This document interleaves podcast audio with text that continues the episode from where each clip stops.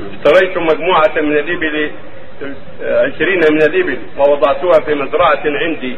كيف تكون زكاتها إذا دار عليها الحول الإبل والغنم والبقر من شرط زكاتها أن تكون سائمة. في البر ترعى فإذا كان الرجل يعلفها في بيته في مزرعته فليس فيها زكاة. الزكاة السائمة ترعى غالب الحول أكثر الحول أو كل السنة. فإذا كان في غالب الحول أو في كل الحول تعلف فليس فيها زكاة لا إبل ولا بقر ولا غنم نعم. يا شيخ إذا كانت ما تعتبر عروض مال إلا إذا أراد التجارة فيها إذا أراد بها التجارة تكون زكاة زكاة المال.